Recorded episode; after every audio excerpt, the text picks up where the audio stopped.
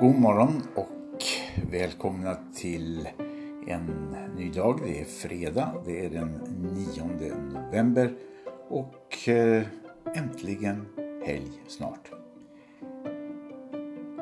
Igår så berättade vi på Afghanistanfakta om Nima Mansouri, mannen i Borås som ska utvisas efter nio år i Sverige. Eh, det har resulterat i många kommentarer och det har nämnts i flera tidningar om att det här är ytterligt tveksamt. Inte minst med tanke på följande.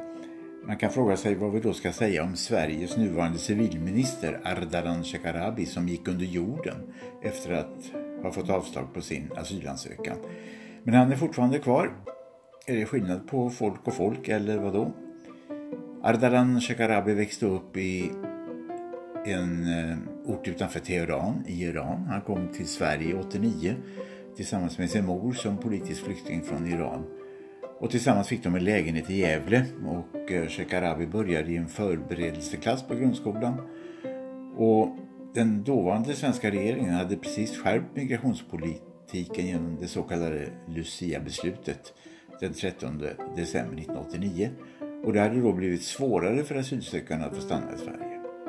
Men efter att ha fått avslag på sin asylansökan så gick familjen Shakarabi under jorden efter att ha fått avslaget. Så småningom fick de uppehållstillstånd av humanitära skäl 1991. Eh, så kan det vara. Är man minister, eller man blev minister, fastän man hade gått under jorden, så eh, är det inga problem. Däremot om man har jobbat och skött sig i Borås i nio år så är det ett problem. Och då är det dags för Nima Mansouri enligt Migrationsverket att återvända till Iran. Apropå eh, det här med flyktingar och eh, asylpolitik så vill ett EU-utskott nu ge flyktingar asylvisum. Det är ett utskott i Europaparlamentet som vill att EU ger asylsökande möjlighet till humanitära visum för att lättare kunna söka asyl i ett EU-land. Det är Europaparlamentets utskott för medborgerliga fri- och rättigheter som uppmanar EU-kommissionen att ta fram ett lagförslag om humanitära visum.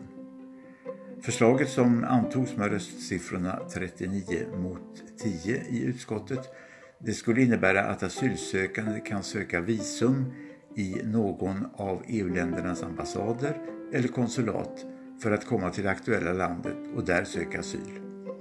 Ambassaderna skulle inte pröva personens asylskäl men däremot göra en säkerhetsprövning. Det här förslaget kommer att diskuteras av Europaparlamentet nu i november och om det antas så, av en kvalificerad majoritet där så måste EU-kommissionen ta ställning till det. Vi följer det med stort intresse och rapporterar så snart vi vet mer. Ifrån eh, Ungern så får vi idag reda på att det kan bli första gången som ett universitet tvingas ut ur ett EU-land.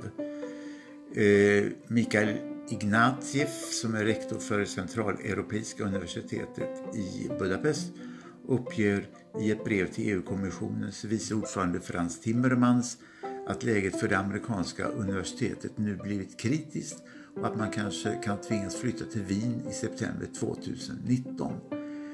Det är ju eh, Orban i Ungern som eh, inte tycker om grundaren av det här universitetet, George Soros.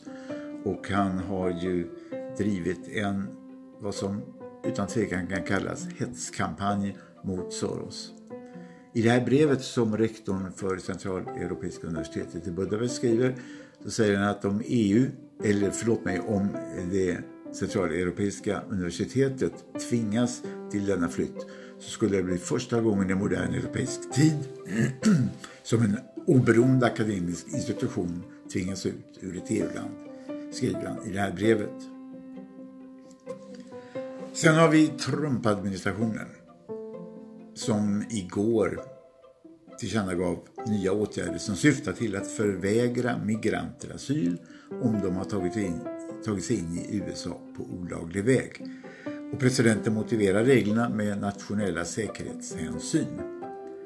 Samtidigt som detta sker så har en appellationsdomstol i Kalifornien beslutat att president Donald Trumps regering måste fortsätta att driva migrantprogrammet DACA som ger unga en möjlighet att arbeta och vistas lagligt i USA två år i taget. Trump hade ju planerat att skrota det här programmet men nu blir det inte så. Det här med nya åtgärder eller fortsatta åtgärder som syftar till att förvägra migranter asyl har vi också i Sverige. I Sverige så har man nu beslutat om förlängda identitetskontroller på grund av det befintliga säkerhetshotet. Enligt Säpo, det är de som tycker att vi har ett säkerhetshot. Men eh, som vi ser det så handlar det knappast om en säkerhetssyn vare sig i USA eller Sverige. Det handlar om helt andra saker.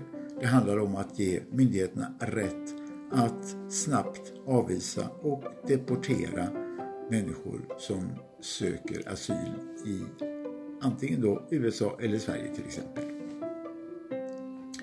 I Stockholm så eh, kommer det nya integrationsborgarrådet Karin Ernlund, Centerpartiet, att eh, satsa på etableringscentrum och en ny skolpeng för vuxna, rapporterar Dagens Nyheter idag.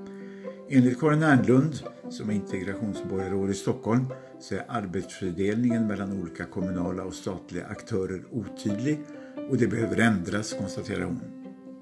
Vi vill samla alla aktörer på ett och samma ställe så att nyanlända väldigt snabbt, inom en vecka, ska få en handlingsplan utifrån sina individuella behov, säger Karin Ernlund. Och det kan handla om validering av utbildning man har sedan tidigare eller om kompletterande utbildning eller SFI. Alla ska snabbt få en individuell handlingsplan på en plats där alla aktörerna finns samlade, säger hon till DN. Ytterligare ett nytt förslag från den grönblå majoriteten är en så kallad vuxenpeng som likt skolpengen ska följa eleven till den utbildning som, den vuxenutbildning som eleven själv väljer. Och genom det här nya förslaget så menar Karin Ernlund att man undgår den stelbenta och byråkratiska processen med upphandlingar av vuxenutbildningar och istället få ett system där utbildningsanordnare auktoriseras och som sedan eleven fritt kan välja ibland. Det här var lite kort idag fredag. Eh, nu är det helg och i helgen så blir det ingen ny podd såvida det inte händer något av extremt stort intresse i Afghanistan eller på andra ställen. Eh, för att få reda på om det blir en ny podd så följer du lämpligast Afghanistanfakta och där hittar du besked om det blir något nytt i helgen. Annars återkommer vi på måndag. Vi önskar alla lyssnare och läsare av Afghanistan Fakta en trevlig helg och förhoppningsvis vackert väder. Ha det bra. Hej!